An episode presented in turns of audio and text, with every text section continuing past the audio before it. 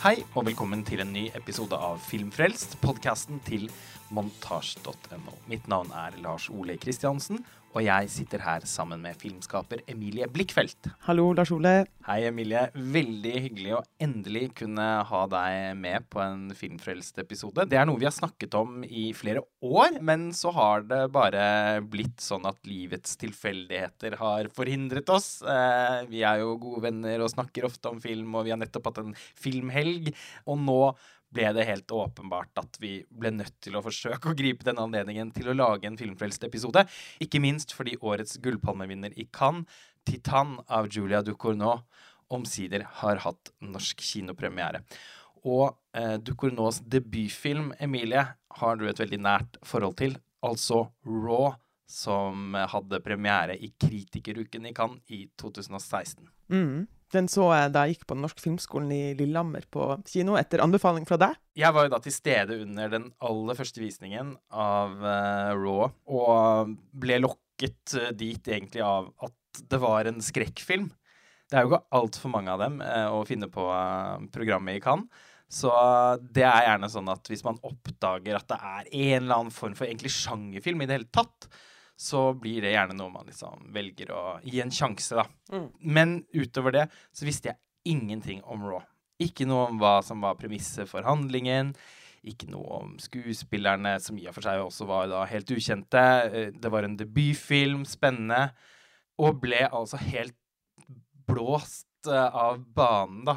Mm. Det var en filmopplevelse som gjorde at jeg liksom kom helt sånn skjelvende ut uh, av salen og fikk lyst til å liksom, rope ut i gatene om at det har skjedd noe helt utrolig. Ja, altså, jeg har et ganske spesielt forhold til den fordi at jeg er egentlig en sånn skikkelig pyse, da. Når det kommer til skrekkfilm. Altså, jeg, jeg kan Eller bare filme litt sånn høy lyd. Jeg kan skvette liksom til eh, litt sånn eh, raske, høylytte trailere liksom, på kino. Og kjæresten min er veldig glad i skrekkfilm, og vi har liksom aldri sett skrekkfilm fordi at jeg, jeg tåler det ikke. Nei. Og før eh, jeg så Raw, så hadde jeg da, altså helt tilfeldig, oppdaga body horror, som den jo eh, er innafor sjangeren. Mm. Og eh, da jeg var hjemme til jul og skulle prøve å finne og se noe interessant eller finne et eller annet å se. Og så var jeg inne på, av alle steder, på NRK eh, TV, hvor de da viste i romjula 'Crash' av David Cronenberg. I all verden? På NRK nett-TV? På NRK nett-TV. Helsprøtt. Og jeg hadde, um, jeg hadde sjøl hatt sånn kneoperasjon og gått med sånne eh, hva man kan kalle sånn braces, eller sånne skinner da, på mm. beina, og fått vite at jeg da Det var jo en referanse til 'Crash' av David Cronenberg. Og så så jeg den filmen, og jeg ble bare helt bergtatt. Og det var da min inngang til body horror og til hele David Cronenbergs eh, univers. Og da skjønte jeg jo at herregud, jeg har jo jeg kan godt se skrekkfilm. Altså, jeg har jo mm. senere sett 'Midtsommer', for jeg fikk da en, en, kompis til å gå god for at den var ikke så skummel. Den var mest ekkel, og da var jeg sånn OK, da skal jeg se den. Ekkel det er bra. Ja, og starten var jeg ganske redd for, men etter det, når alle andre sitter bare sånn Å oh, nei! Så sitter jeg bare sånn. og det var sånn jeg hadde det med Raw også, da. Ja, fordi det er den psykologiske skrekken som plager ja. deg. Jeg ja. minnes f.eks. Uh, hvor vanskelig det var å få deg til å se det som da er min favorittfilm, nemlig Stanley Kubricks The Shining. Det gikk ganske bra. Ja, jeg var ganske begravd inn i skuldra di mesteparten av tiden, men jeg, jeg, så den med ett øye. du, jeg, jeg, opplevde det som at uh, du kom deg greit gjennom uh, ja. det. Men det er jo et, selvfølgelig et eksempel på en film som uh, er skremmende på en helt annen type måte enn ja, for eksempel 'Midtsommer', som du nevner. Mm. Eller body horror-filmer. og body horror, det er jo kroppsskrekk. Altså filmer hvor kroppen er utgangspunktet for noe ubehagelig eller urovekkende. Mm, mm. Og David Cronenberg er på en måte liksom blodprinsen av uh, body horror. Og han har jo gått fra noe sånn B-film-slasher-greier, liksom, til å virkelig jobbe med altså en slags moderne kritikk av samfunnet, av relasjonene våre, gjennom kroppen. Som jeg syns er bare en helt sånn uh, uovertruffen måte å lage film på, da. Fordi at det er visuelt, og det er en av de tingene som jeg eh, føler veldig, som er, som er veldig spesielt med body horror, er at du kan nesten føle at din kropp eller, eller, kroppen til skuespilleren, karakteren, er din kropp. Mm. Når, eh, når, man mister en finger, eller, ja, ja, ja. eller, noe skjer med den kroppen, så er det som om du føler det i din egen. Så selv om det kan være ganske intellektuelt, det også um, Cronberg holder på med, så oppleves det helt sånn fysisk. fysisk. Helt klart. Og jeg tenker òg at mange av de filmene nesten føles som en sånn simulator. Eh, at du At uh, rollefigurene blir litt sånn avatarer for deg selv. Du, og, og, at man blir konfrontert med eh, frykt knyttet til egen kropp. Da. Mm. Kroppsfunksjoner, organer som lever sine egne liv under huden din. Mm. Dypt der inne i magen eller beina. Eh, det er jo vemmelig og Eller u, altså, det, det, er jo noe man ofte blir litt sånn ukomfortabel med hvis man tenker lenge på det. Altså, jeg mm. kan bli svimmel av å tenke på at liksom blod eh, pumpes gjennom årene i kroppen min. Eh, det er noe jeg helst har lyst til å bare eh, ta for gitt, mm. og ikke liksom Eh, zoome innpå. Ja. Men body horror-filmer tvinger en jo ofte til å til se. Å, ja, og til å kjenne. Altså, jeg kan ta meg liksom mm. kjenne etter når jeg ser eh, filmer av Cronenberg, eh, eksempel. Men en ting som jeg syns er også veldig veldig interessant motiv innenfor eh, body horror, er jo frykten for transformasjon, eller ønsket om transformasjon. Og hvor vi, som du sier, vi har ikke et så veldig sånn bevisst forhold nødvendigvis til kropp, hvordan kroppen vår fungerer, og hvordan den faktisk ser ut på innsiden, og alle de tingene, men det er det vi blir konfrontert med. Og også det her med at vi er ikke, vi er ikke en, en steinstatue, liksom. Vi er til enhver tid et sårbart en sårbar organisme i forandring, og som kan invaderes, som kan uh, korrumperes, ikke sant. Uh, og også av og da kanskje av en Hvis man er, har en grand, eh, grandios idé om seg selv eh, i Cronenbergs filmer, så vil da hele kroppen din da morfes og korrumperes fordi at du har den grandiose ideen om deg selv. da. Og det blir helt synlig på utsiden din. og du, ja. Bare ideen om at uh, det liksom landskapet som finnes uh, inni oss, lar seg påvirke av ytre faktorer som man ofte ikke har kontroll over. Uh, hvordan fungerer egentlig mystiske, alvorlige sykdommer?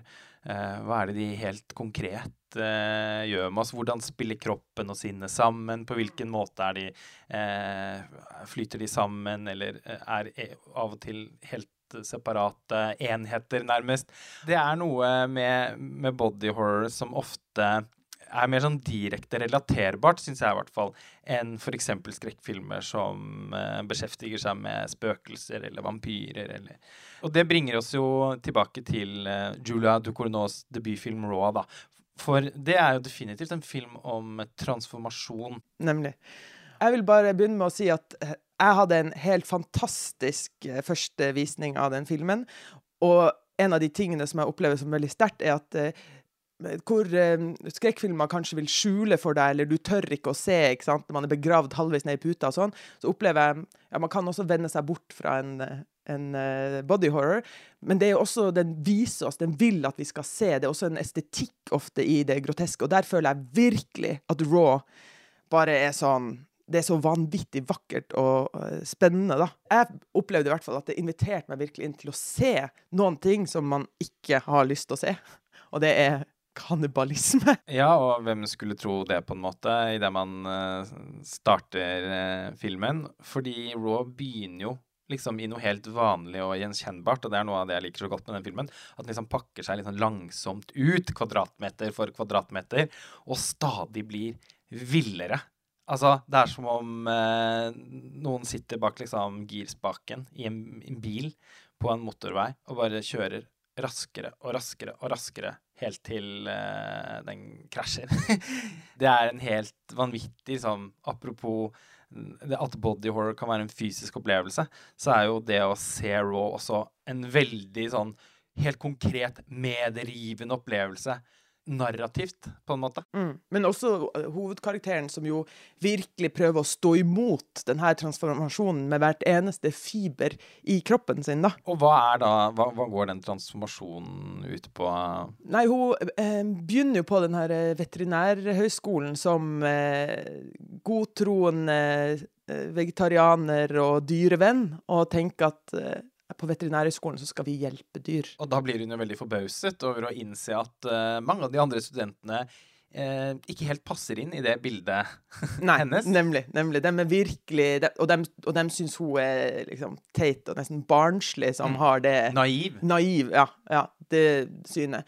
Men så hadde hun vel kanskje tenkt at uh, søstera hennes, som allerede går på denne veterinærhøgskolen, og det skal også sies at hele familien hennes er vegetarianere, Mm. at kanskje hun skulle finne da støtte i søstera si, men finner da at hun er også blitt korrumpert av det her eh, stedet.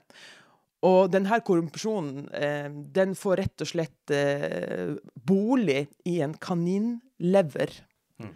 Som eh, søstera tvinger inn i hovedkarakteren under en sånn, en sånn helvetesuke Ja, for nybegynnerne. Og den blir da trykt inn i hovedkarakteren den her, av søstera. Tvinger denne stakkars vegetarianeren til å spise kaninlever, og da er det gjort. Hun, hun har fått smaken på kjøtt. Hun har fått smaken på kjøtt. Og den sekvensen er nesten en av mine favorittsekvenser i den filmen. Fordi det er bare sånne der ekle sånn kjøttkaker og sånt som blir slengt rundt i den der kantina. Og Det sånn. ser helt jævlig ut, Det ser helt der. jævlig ut. Og hun bare liksom sikler nesten og ser på det. Og så er hun sånn Herregud, hva som skjer med meg? Hun, hun skjønner det ikke og prøver virkelig liksom å Ja, hun blir liksom som en hund i møte med matskålen. Ja. Eh, der en annen en tenker at hadde jeg måttet spise mat i den kantina der hver dag, så hadde jeg blitt vegetarianer. Nemlig. Men hun klarer jo å stå imot veldig, veldig, veldig lenge. Eller ganske lenge. Mm. Før den fatale, kanskje mest kjente scenen fra Raw kommer. Og den må vi kanskje tillate oss å snakke om, i og med at det er så lenge siden den filmen hadde Absolutt. premiere. For de som eventuelt da ikke vil ha filmen spoilet, så er det mulig å ta fem minutter pause fra podkasten. Nemlig. Den ble jo omtalt som en feministisk eh, kannibalfilm da, av Raw, og her er jo kanskje en av de scenene som gjør at man kan sette litt sånn En veldig morsom feministisk scene hvor eh, hun skal hjelpe søstera si å vokse underlivet. Eller så driver søstera og gjør det, og så har hun fått problemer, og så skal hun hjelpe henne. da. For at eh, hun har satt voksen fast i liksom underlivshårene. Og så i en litt klumsete situasjon så ender hun da opp med å klippe av fingeren til søstera si. Eh, og søstera besvimer, og, eh, hovedkarakteren springer rundt og leter etter denne fingeren, og så finner hun den. And it's a snack. And it's a snack. Og så spiser hun den. Og det er bare sånn Det er så helt fantastisk. Ja, ja, ja. Og, og, og da når liksom filmen et punkt hvor man tenker at Oi, hvor går vi herfra? Nemlig. Videre herfra. Og det er et godt stykke til. Eh, det er jo liksom en sånn i hele sin natur en genuint sjokkerende film. Og hvis man eh, er litt sånn hardhudet eh, overfor eh, ubehagelige bilder på film, som jeg er, så kan det jo være en sånn nesten sånn ekstra liksom kos å sitte i en kinosal og se den sammen med andre mennesker som nesten piner seg Ja, gjennom. ja, ja. ja. For dette er jo virkelig en film som har fått mange til å forlate salen etter en halvtime Absolutt. i ren gru og er en sånn fysisk ubehag. Altså, dette her går liksom langt forbi grensen over hva jeg tåler å se. Mm. Og det har nok utvilsomt å gjøre med at alt det grafisk ubehagelige i filmen har med kropp å gjøre. Etter hvert så blir det jo sånn at uh, Justine, som er det hovedpersonen heter, spilt av Garance Marillier, uh, gjennomgår en slags sånn fysisk transformasjon nå. Det er som om hun på en måte skifter skinn. Og det er noen helt uh, utrolig klaustrofobiske, eh, ubehagelige scene hvor hun ligger under dyna i senga si og klør seg til det blør. Uh, det er uh, hud på, rundt fingre og negler og sånn. Det er gjerne noe jeg reagerer helt spesifikt på. F.eks. For den forferdelige scenen i Black Swan Mm. hvor, uh, Ja, hvor. Natalie Portmans karakter liksom tar tak i en liten sånn hudslintre ved siden av en negl hun har bitt for mye på, og drar den oppover, sånn at hele huden på fingeren langsomt flekkes av. Helt eh, Altså wow. Ja, og det er litt morsomt når du tar opp Black Swan, for jeg tror det er veldig mange som har sett Black Swan uten å være klar over at de har sett en body horror. Ikke sant? Og Body Horror har jo etter din Cronenberg-oppvåkning for mange år siden definitivt satt sitt preg på din egen filmskaping. Altså, du har jo laget to filmer som i alle fall er veldig orientert rundt kropp. How Do You Like My Hair, som vant filmkritikerprisen i Grimstad. Og Saras intime betroelser, som var din eksamensfilm fra Høgskolen i Lillehammer. Og nå utvikler du en spillefilm som baserer seg på eventyret om Askepott, men fokuserer på stesøsterens fortelling, og som griper tak i det groteske ved originaleventyret, som gjerne kammes vekk i versjonene til f.eks. Disney, eller den nye Astrid S-versjonen, som eh, også har premiere på kino i disse dager. Vil jeg tro, nå har jeg ikke rukket å se den ennå, men jeg tviler på at eh, det er eh, mange avhogde tær, f.eks., i den. Emilie, kan du liksom røpe litt rundt hva det prosjektet handler om? Nei, jeg syns heispitchen er ganske god. Eh, jeg vet ikke om jeg har lyst til å si så veldig mye mer enn at det blir en grotesk politisk body horror-eventyrfilm på norsk. Som jeg ikke tror man har sett maken til i norsk filmhistorie. Men hva er det med eh, liksom sjangerspråket som du tenker at kan løfte fram en ny liksom, dimensjon ved den fortellingen, helt konkret? Altså, når jeg først ble, ble så vanvittig sånn, opptatt av uh, body horror, så stilte jeg meg det spørsmålet liksom, ja, men hva er liksom, hele fascinasjonen min for det her? Hvorfor er det så viktig for meg? Mm. Og jeg hadde, fikk sånn veldig behov for å lage en body horror-film. Uh, og det her var jo også før uh, Raw, hvor feminismen på en måte ikke hadde begynt å Altså hadde snust på det, eller kvinnelige filmskapere da, hadde snust så mye på det grepet ennå.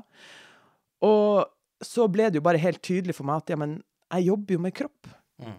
Veldig mye av, de Altså, mine karakterer er veldig opptatt av kroppene sine, og kroppens begrensninger, kroppens eh lyster og nytelse, alle de her tingene, da. Og med body horror så kunne jeg det sjangerelementet der med at man kunne gå ut over realismen, og man kan virkelig liksom ta karakterens indre, alle de følelsene, og så bare ja, putte det på kroppen, eller i kroppen, eller helt sånn visuelt, da eh, kjempespennende, for da slipper jeg å være sånn preachy om karakterene mine, og så bare la kroppene deres faktisk fortelle historien. Og det syns jeg er kjempe, kjempespennende. Og nesten litt sånn tilfeldig så begynte jeg å se på stesøstera og hennes perspektiv på den her Askepott-historien, fordi at hun, hun, er en kropp som ikke passer inn. Mm. Hun passer ikke skoen. Og, og, jeg følte at hun var veldig relatert til de karakterene jeg har jobba med. Det var i arbeid med en annen karakter at hun dukka opp.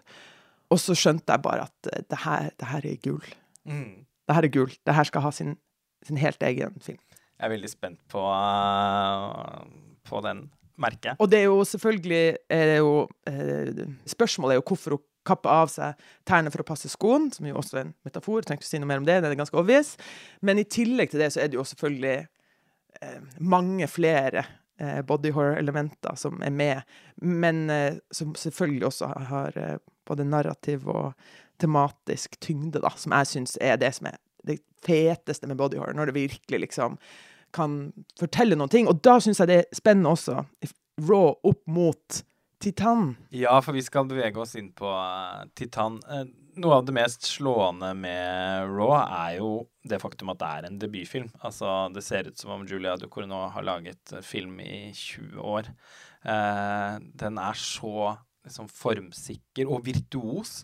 Totalt. På et relativt lavt uh, budsjett. Noe så imponerende i seg selv som at den er skutt på digital video, men at det er ordentlig sånn, kompensert for i, eh, i liksom lyssetting og etterarbeid, sånn at den likevel har, en, har skikkelig tekstur. Den har mange kompliserte, lange tagninger og i det hele tatt sånn set pieces underveis som det er enkelt å kløne til. Filmen har liksom et driv som er helt slående, og det var helt åpenbart at hun ble liksom, kom til å bli superstjerne over natten med den filmen, og at hun dermed ville havne i en lukrativ posisjon for sin andre spillefilm, som da hadde verdenspremiere under Cannes-festivalen i juli i hovedkonkurransen, og endte eh, til manges store overraskelse med å vinne eh, hovedprisen, Gullpalmen. Det gjorde Ducournau til utrolig nok bare den andre kvinnen i historien som har eh, tatt med seg den prisen. Den forrige var Jane Campion for piano, og det var en delt pris. Eh, så hun er den første kvinnelige filmskaperen som har vunnet en hel gullpalme. det skal jo også sies at Adele Exarchopoulos og Lea Seido vant gullpalmer for uh, 'Blå er den varmeste fargen', men det var i det minste også en del, en tredelt uh, palme. Så Ducournau er jo nå på en måte historisk. Det var helt magisk å sitte der under prisutdelingen. Det var første gang jeg opplevde å ikke se den på videooverføring, men faktisk var til stede inne i palasset. Og kjenne liksom bruset som gikk gjennom salen idet juryformann Spike Lee på helt ubegripelig klumsete vis klarte å eh, spoile vinneren med en gang. Det må ha vært noen problemer med kommunikasjonen der eh, som gjorde at når han fikk beskjed om å lese opp den første prisen, så trodde han det var førstepremien. Når det er sagt, så skal det også litt til å være så uhøytidelig anlagt at du bare leser det opp som en hvilken som helst det, Altså ah, Yeah, golden, pam, golden palms titan. altså, hadde han i alle fall reist seg opp, eh, sagt And ladies and gentlemen, the winner of the Palm Door this year Så kunne hun no, no, no, no, no, stopp, stopp, stopp, stopp. Men det gikk så fort. Og så måtte bare hele salen late som at ingen hadde hørt dette, og gir dukker nå den brusende, euforiske jubelen og uttrykket for genuin overraskelse som hun fortjente. Til slutt, da. Til slutt. Eh, men det var jo eh, et slags eh, karneval eh, alt sammen. Hun holdt en innmari flott tale hvor hun var opptatt av å understreke at hun føler at hun har laget en imperfekt film, og at hun var særlig glad for at juryen hadde klart å eh, se forbi det. At, at, de hadde valgt å premiere en film som turte noe, og som kanskje ikke nødvendigvis var fullendt i alle ledd. Eh, og så det, kan man jo argumentere for at filmen er det, eh, men eh, hun var liksom opptatt av at, at det for henne var et utfordrende prosjekt, og at hun ennå ikke helt følte seg ferdig med filmen. At den fortsatt liksom var så fersk også for henne. Uh, at hun ennå ikke liksom hadde helt kontroll over den.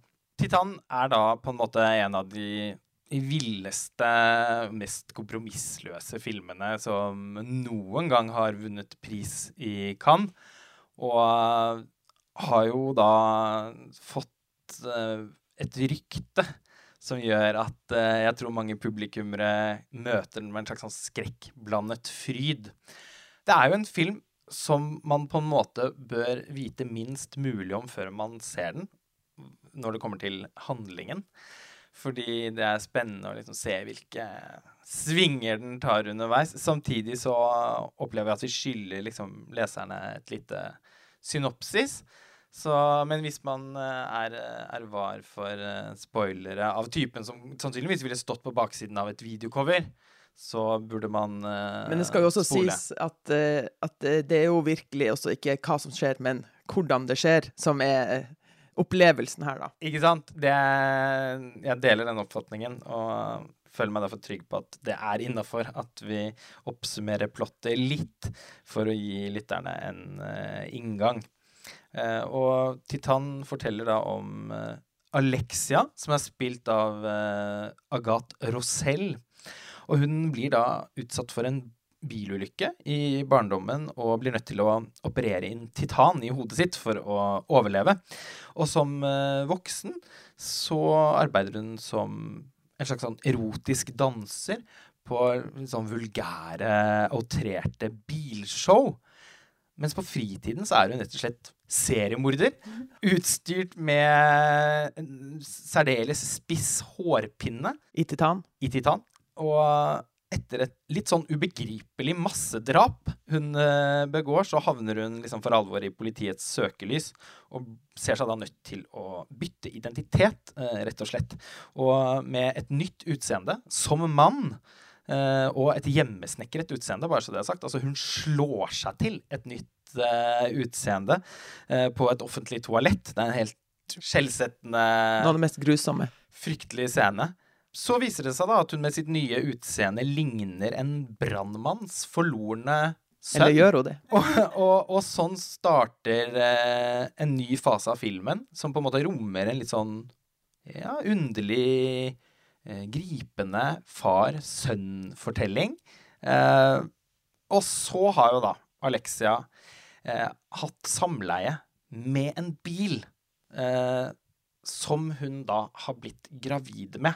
Og hun blir da nødt til å forsøke å skjule den graviditeten overfor sin nye farsfigur.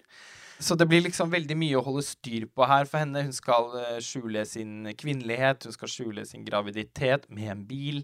Uh, og i det hele tatt så uh, piskes det opp til en storm av en film. Og der Raw, som sagt, starter i noe veldig sånn vanlig, så skrur liksom Titan opp til 11 fra første scene. Altså Filmen er jo vill og overskridende hele veien. Jeg tenker jo at det, når jeg så Raw, så tenkte jeg at det her er jo en dame som Hun er ikke redd for noen ting. For overskridelse. Hun har en vanvittig fantasi og et, et blikk for uh, visuelle situasjoner, for iscenesettelser, altså, som er helt sånn uovertruffen. Men en av de tingene som jeg syns var litt svakt innimellom i Raw, som jeg tenkte det er nok bare en modningsprosess, det er det her med med kanskje den narrative fortellingen, med å få alle de eh, grepene til å til slutt liksom kulminere i noe større enn seg selv. Eh, den, en, den, prøver seg på en slags slutt der, men som ikke helt er, liksom Den er litt sånn punchline-aktig? Ja, ja, litt, litt grunn. Mm. Og i tillegg så finnes det noen scener der allerede i Raw. Ikke mange av dem, men noen. Altså, for de fleste av dem er veldig knytta til um, hovedkarakterens uh, transformasjon og hennes opplevelse av sin egen kropp og dens transformasjon og den lysten etter kjøtt og både selvforakt og seksuelt begjær og alle de tingene. Utrolig spennende. Uh, men så finnes det også scener, annet en scene hvor hun spyr hår ut av munnen som er en helt fantastisk sånn enkeltstående eh, sekvens, og måten det er gjort på, følelsen som man sitter igjen med som eh, publikum, men som er ganske sånn frittstående egentlig fra resten av filmen. Veldig lite um, mm, forankra i karakter, i story, i tema. Den er som et innslag av J-horror, altså japansk eh, skrekkfilm. Ja, og, og, et litt umotivert et som sådan. Nemlig. Og det er det, det, det, umotiverte som, som plager meg, da. Og når jeg da så Hadde jeg jo vanvittig høye forventninger til Titan, når det er en filmskaper som jeg altså, har sett byen til, respekterer så mye. Den har bare som jo var et, altså Det er jo et lite mesterverk i seg selv, og som har så mye promise, liksom! Og så vinner hun Gullpalmen i Cannes, som altså andre kvinne i historien. Ja. Så tenkte jeg faen heller, liksom. De som syns denne filmen er dårlig, det er noen eh, pussies. det er så jævlig fett, liksom, at uh, de ser henne og tar henne opp. For det var jo virkelig en polariserende film. altså sånn Totalt sett så må det jo sies at kritikermottagelsen ble god, men underveis i løpet av festivalen så var det en av de filmene som delte kritikerne mest, i den forstand at uh, den hadde noen veldig liksom ivrige uh, supportere, men også noen som virkelig syntes at den var nær sagt en kalkun. da. Ja. Og det er sjelden at spennet er så stort. Mm. Altså fra terningkast seks til én. Nemlig. Og eh, jeg prøvde å liksom gå ganske ferskt inn der. Jeg tok med meg en som ikke har noe eh, forhold til body horror. Og det var en eh, fascinerende opplevelse. og jeg syns jo det, det, er litt, nesten litt vondt å snakke om. For jeg har så lyst å like den. Ja. Jeg synes jo, altså bare Når du leser opp plottet, liksom, så blir jeg bare sånn hvordan går det an? Hvordan går det an å liksom komme opp med det her, og så ha liksom eh, guts til å liksom si det her skal jeg lage, det her er seriøst, det her kommer til å bli dritfett, liksom. Bare For den, for den virker så kompromissløs, da. Ja, ja. Men så opplever den som veldig sånn postmoderne, nesten. Mm. Fordi at den, den, har, den, bruker ingen tid på å være troverdig.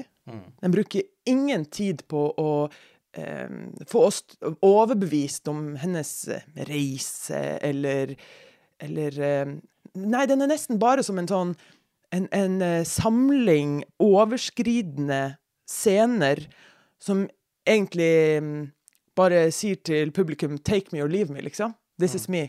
Jeg skal ikke forklare meg, jeg skal ikke Jeg, jeg, jeg drypper i tematikk og egentlig ganske sånn Nesten banale banal symbolikk, men fordi at det er gjennom body horror, så blir det bare helt sånn altså motorolje ut av puppa, liksom. Altså, det er bare sånn Ja.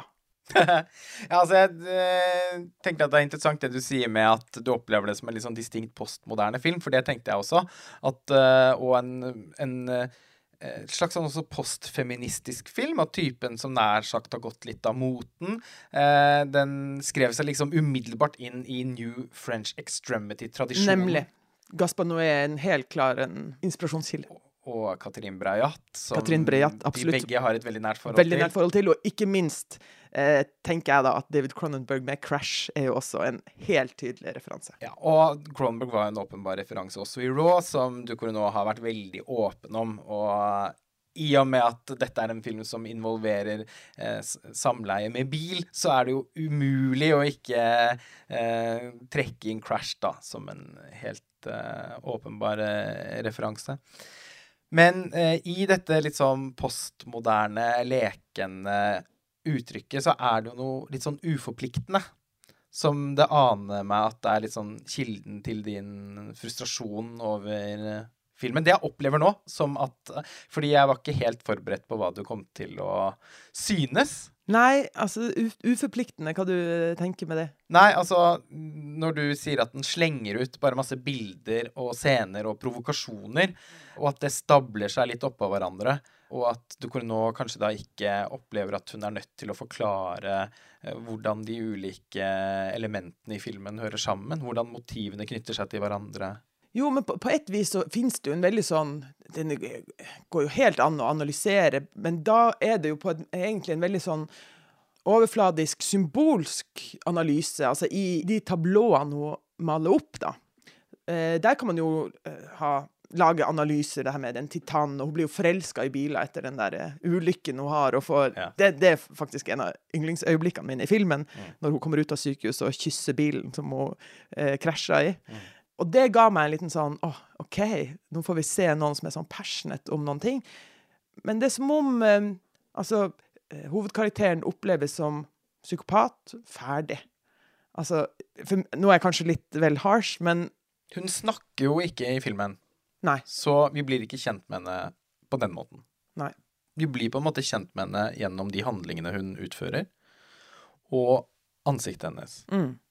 som er på en måte filmens dominerende motiv. For hun har et utrolig spennende ansikt. Agathe Rosell, som tidligere har jobbet som modell. Eh, og hun har en sånn androgyn look som Ducournau spiller på, eh, og som gjør denne transformasjonen på en måte mer troverdig enn hvis hun hadde hatt et helt annet type utseende i forveien. Mm, absolutt. Men jeg, tror kanskje, som jeg var litt inne på i stad med Raw, så opplever jeg at eh, Og som jeg har vært inne på når jeg snakker om de andre body horror-filmene, er at jeg, en av de tingene som virkelig gjør meg sånn gira over body horror, er at jeg føler jeg kommer nærmere karakterene egentlig enn- i noen andre filmer. For jeg ligger der og, eller sitter der og har akkurat den samme kroppslige opplevelsen som dem, og får virkelig liksom føle på all angsten deres og usikkerheten deres, og, eller, eller eh, storhetsmanien deres på, liksom, på kroppen min. Mens i denne filmen så er ikke noe opptatt i det hele tatt da, av at vi skal eh, kjenne oss igjen i hovedkarakteren Alexia, eller at vi skal Vi skal bare se på henne. Og så gjør hun noen ganske groteske ting, både med andre og seg selv, og kanskje det med på seg selv er det verste, fordi at du sitter der og føler deg selv som Eller du Den derre kroppslige eh, Følelsene er så overførbart, da. Og så blir jeg Jeg føler meg bare litt sånn utnytta. At det er noen som er sånn derre Se så ekkel jeg kan være. Ikke sant? Sånn derre Se på det her. Og så, og så er vi Vi er vanlige folk som er vant til at jobben vår som, som eh, kinogåere er å liksom leve oss inn i hovedkarakteren. Her får jo bare så mye eh, bank, da. Men jeg syns det er veldig interessant hvordan filmen eh, begynner med å fremstille at eh, hennes kropp blir utnyttet av andre, eh, og da primært menn. Eh, og det er jo liksom et bilde på måten hele samfunnet vårt forholder oss til kropp, og kanskje spesielt eh, kvinnekropp. Og hun er jo på en måte litt et sånn stykke på et kjøttmarked, rett og slett. Når hun eh, danser på bilpanseret foran et eh, siklende publikum. Samtidig så er hun merkbart liksom til stede i, eh, i den situasjonen og fremstår på en måte som gjør det klart at hun har liksom bolig i, eh, i egen kropp. Og at hun forvalter den på en måte som, eh, som nær sagt er sånn at hun liksom bevisst eh, gjør transaksjoner på et eh, marked. Og senere i filmen så tar hun jo på en måte for alvor liksom eh, tilbake kontrollen over sin egen kropp. Og at det frigjør henne fra noe som vi kanskje aldri helt får innsikt i hva er. Men jeg syns at den identitetsløsheten har noe veldig sånn melankolsk, og at det er noe kanskje litt sånn poetisk ved filmens nesten litt sånn tegneserieaktige stil. Altså, jeg satt veldig mye og tenkte på eh, japanske animefilmer. Ikke bare fordi de ofte bærer preg av et sånn overskudd og en fantasi og idérikdom, som du også påpekte eh, i stad, hvor man eh, sammenstiller motiver som man eh, opplever som genuint liksom eh, overraskende. Men så blir det sånn at man legge fra seg det begrepsapparatet og de referanserammene som man til vanlig forholder seg til, og at det er noe litt sånn frigjørende over det ritualet, egentlig. Og det er ikke så mange filmer som inviterer til den type opplevelser. Og det var for meg en av de fremste kvalitetene ved Titan. da, At jeg virkelig følte at jeg kunne liksom slippe meg løs i filmen og la den liksom bringe meg dit den ville. Og så opplevde jeg underveis at det stedet var veldig uklart. Ja, nemlig. nemlig. Og vesentlig mer uklart enn i Raw, mm. på tross av at den er, altså byr på veldig mange overraskelser underveis.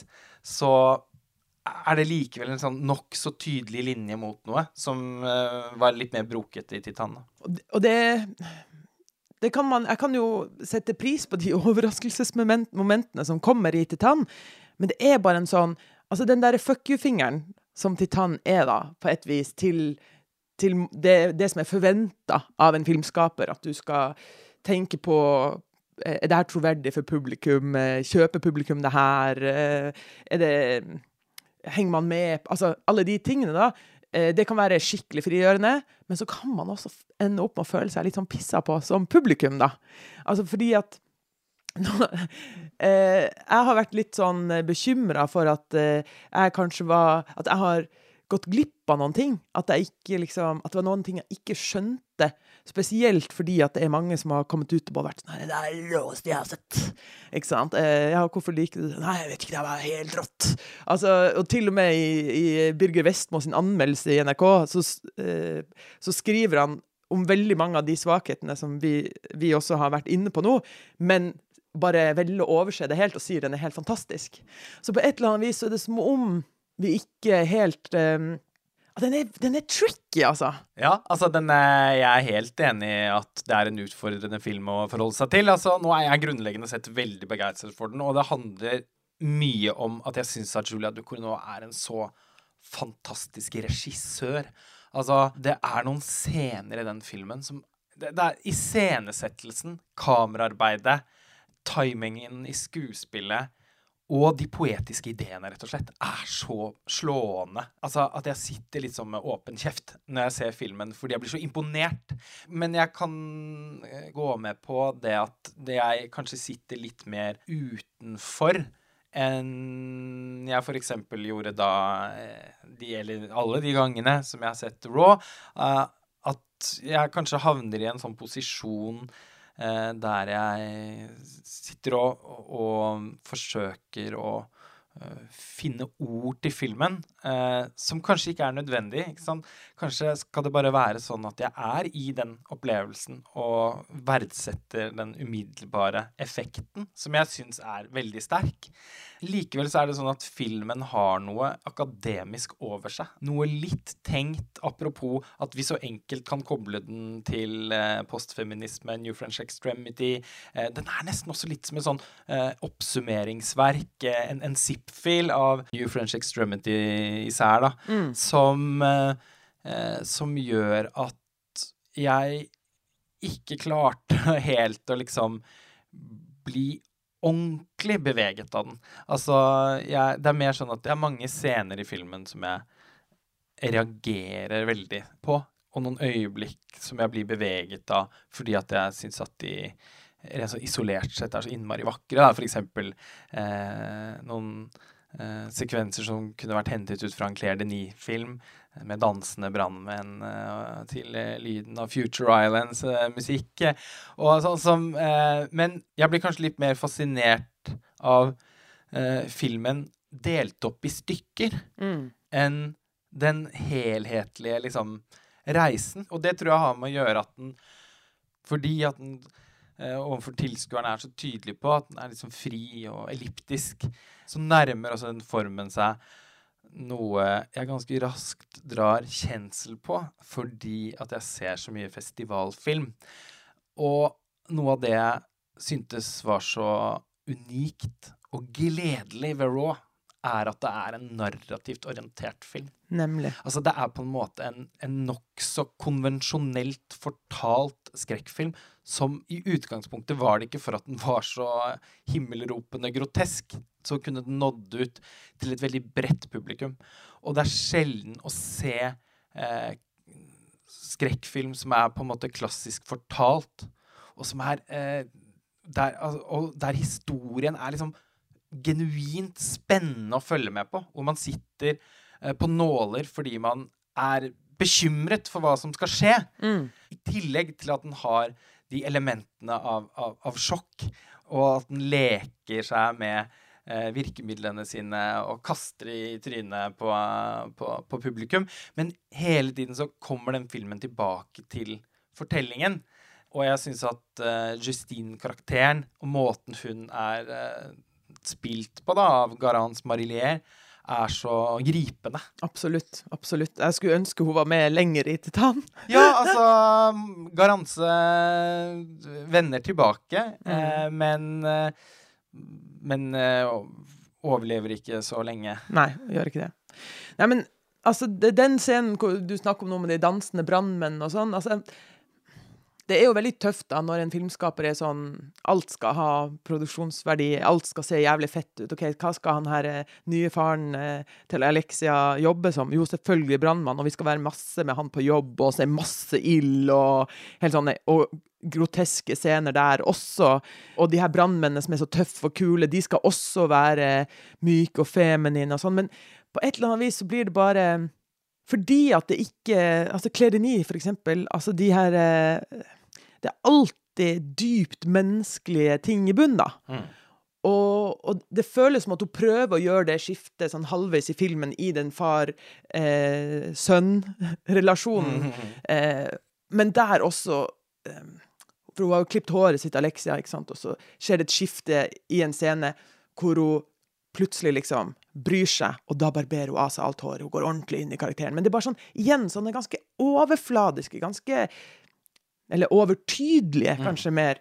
Um, trekk Altså, den blir Den er så metta, liksom, mm. med symbolikk, med tematikk, med estetikk, med referanser. At man uten liksom å ha noe sånn ordentlig i bunnen, da. Men den er jo da kanskje nettopp derfor også på sitt beste når den holder kjeft. Altså, hvis hele filmen hadde vært uten dialog, så lurer jeg på om det kanskje hadde vært veldig spennende å se. Jeg kan jo liksom forestille meg Titan som en bildbok uten Nemlig. tekst. Mm. Og det er et kompliment til filmens visuelle historiefortelling. bare så det er sagt. Men ja, den, den beveger seg av og til over i det litt sånn overtydelige eller påståelige, eh, nettopp fordi fortellerstilen er så tegneserieaktig. Men hva tenker du om eh, Vincent Lindons uh, rollefigur, da? Jeg elsker han. Og det er jo igjen en Clédeny-referanse. Altså, han er helt fantastisk. Uh, man kan ikke ikke elske han. Han er en så skjønn og så naturlig karismatisk skuespiller. Og karakteren hans er jo faktisk en av de mer interessante, fordi at den er så han er så sårbar og så Han er som en sånn oppsvulmet klump av eh, forslitt, historisk belastet maskulinitet. Han er rød som en hummer av, uh, av solariumsstråler og sprøyter seg selv full av testosteron for å holde ved like den slags rustningaktige kroppen som skal til for å markere seg i et brannmannmiljø. Eh, og for å kunne bevare sin autoritet overfor det som er litt en sånn derre flokk med Ja, hva skal man si? Eh, fans. Altså, Det virker som han har en slags following. Han, en, han er en sånn nesten sånn gudfaraktig skikkelse i brannmannmiljøet. Mm. Superspennende i utgangspunktet, syns jeg. da. At, at man lager sånne lommer i et fiksjonsunivers som får bli litt utforsket, men som er sånn wow, så spennende. Kanskje man, man får også man, Jeg får lyst til å legge inn en bestilling på en egen film isolert om det miljøet. Og, og fortellingen om han og alle guttene hans. Mm, alle sønnene hans, alle som da kompenserer for hans forlorne sønn. Eh, så sånn sett så er det kanskje litt merkelig at han fester seg så konkret ved Alexia. fordi det tar jo ikke lang tid før han skjønner at det tross alt ikke er hans uh, bortkomne sønn. Og at han ikke da på en måte i stedet knytter seg nærere til de eh, tross alt litt mer vanlige kollegene sine, som, som, også er såpass mye yngre enn han at han opplagt er litt som en farsfigur for dem. Mm.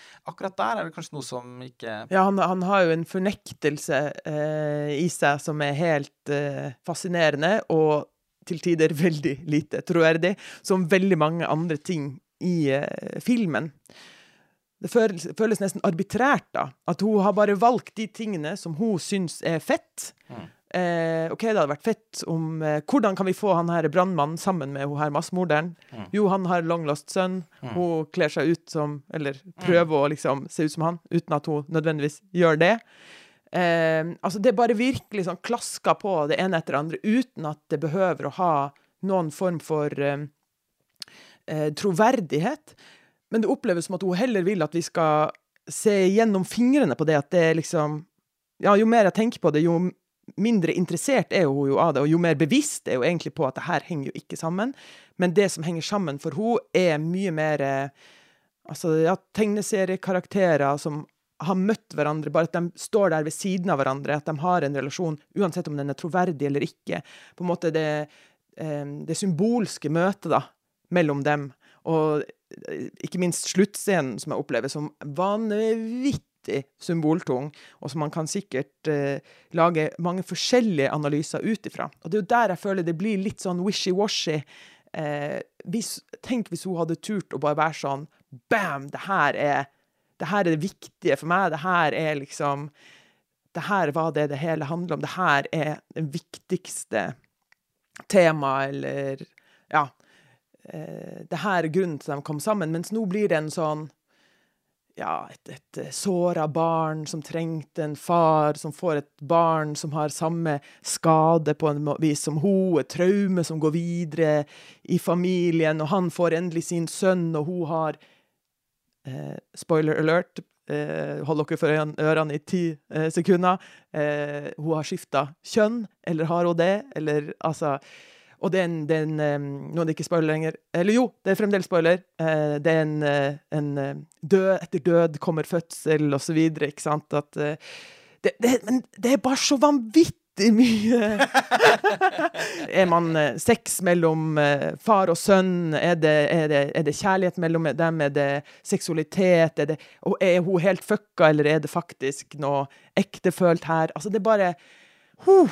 Ja. Men uh, for å oppsummere litt, uh, så kan jeg jo bruke samme ordet som noen av de du har snakket med som så filmen samtidig som deg. Det er helt rått, da. Jo, men jeg ønsker så mye mer! Ja, og, og, jeg, ja. ja. Og, og jeg venta jo bare på at hun skulle føde en lekebil ut av fitta si. Ja. Altså ja, det satt jeg og ventet litt på. Ja, ja.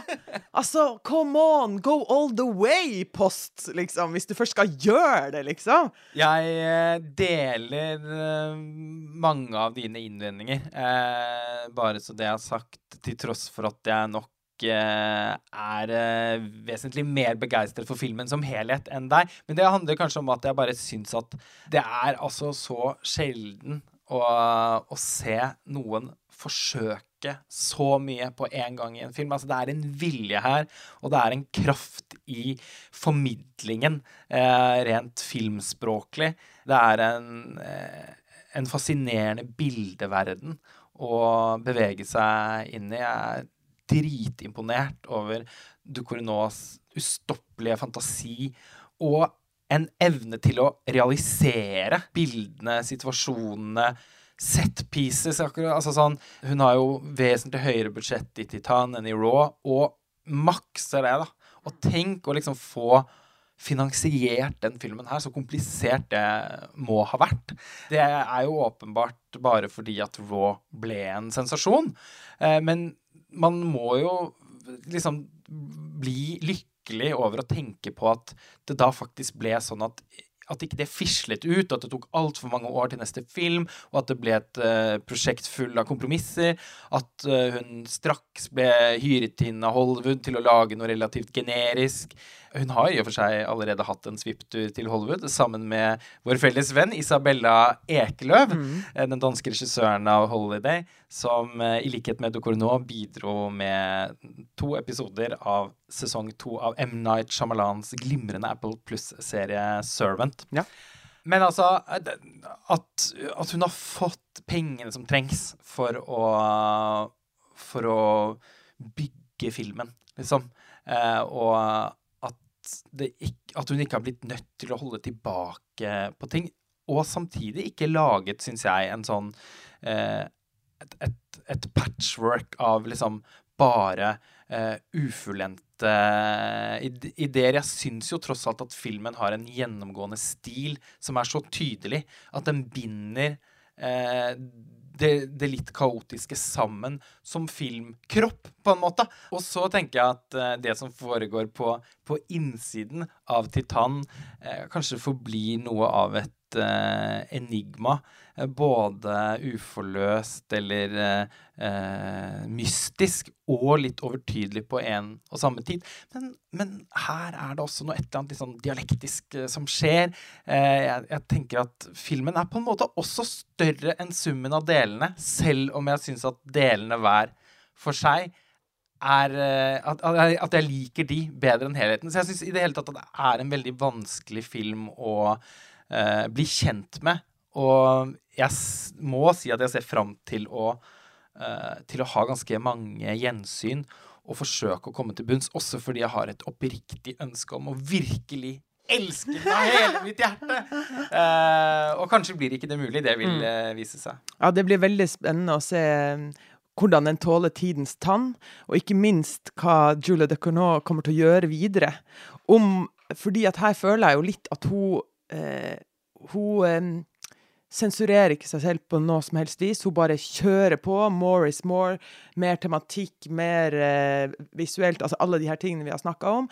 Uten å måtte liksom virkelig være så sensitiv eller gjennomtenkt eller smart på et eller annet vis. Altså, det smarte her er jo det, det overskridende, selvfølgelig, og at hun har dratt det så langt som hun har gjort. Men den står seg ikke så mange flere filmer. Nei, og hun har jo selv eh, fortalt i intervjuer at hun er åpen for å lage en amerikansk eh, film. Og det er vel mange piler som peker mot Los Angeles kanskje nå. Og mm, med tanke på den posisjonen hun nå har, så vil hun nok få muligheten til å gjøre noe ganske spennende der. Tenk f.eks. om hun blir knyttet til produksjonsselskapet A24, som uh, Ari Aster og Robert Eggers jobber med, f.eks., og som har uh, vært viktige for å stake ut en liksom ny retning for amerikansk horror. Amerikansk skrekk har jo fått en slags eh, renessanse i løpet av de siste årene. Kanskje kickstartet av It Follows i 2014. Ikke sett. Har du fortsatt ikke sett It Follows? Men det er jo en sånn film som du vil ha problemer med, tror jeg. Mm. For den er sånn angstfremkallende snarere enn grotesk. Veldig hyggelig å omsider ha deg med på Filmfrelst, Emilie. Takk, takk. Det må ikke bli så lenge til neste gang. Nei, det håper jeg også. Og så håper jeg også at uh, Titan og Julie Ducournau også bare virkelig uh, uh, baner vei for uh, meg og mitt også, da. Siden vi jo tross alt har tenkt litt samme tanke på samme tid. Og det er jo bare å krysse fingrene for at publikum faktisk oppsøker denne filmen. jeg håper at mottagelsen har skapt en, en, følelse av at dette er noe man liksom ikke helt kan gå glipp av. At, det, uh, at filmen allerede er i ferd med å bli et slags sånn fenomen. Uh, et popkulturelt must. Og det er jeg veldig glad for. Og jeg tenker at det også vil sørge for at mange vil oppdage Raw, da. Nemlig. Som jeg stadig vekk synes er en av det forrige tiårets aller beste filmer. Og kanskje bedre enn Titan. Ja, det vil jeg si. Takk for nå, Emilie. Tusen takk, Lars Ole, for at jeg fikk være med. Vi snakkes. Det gjør vi. Ha det bra. Ha det.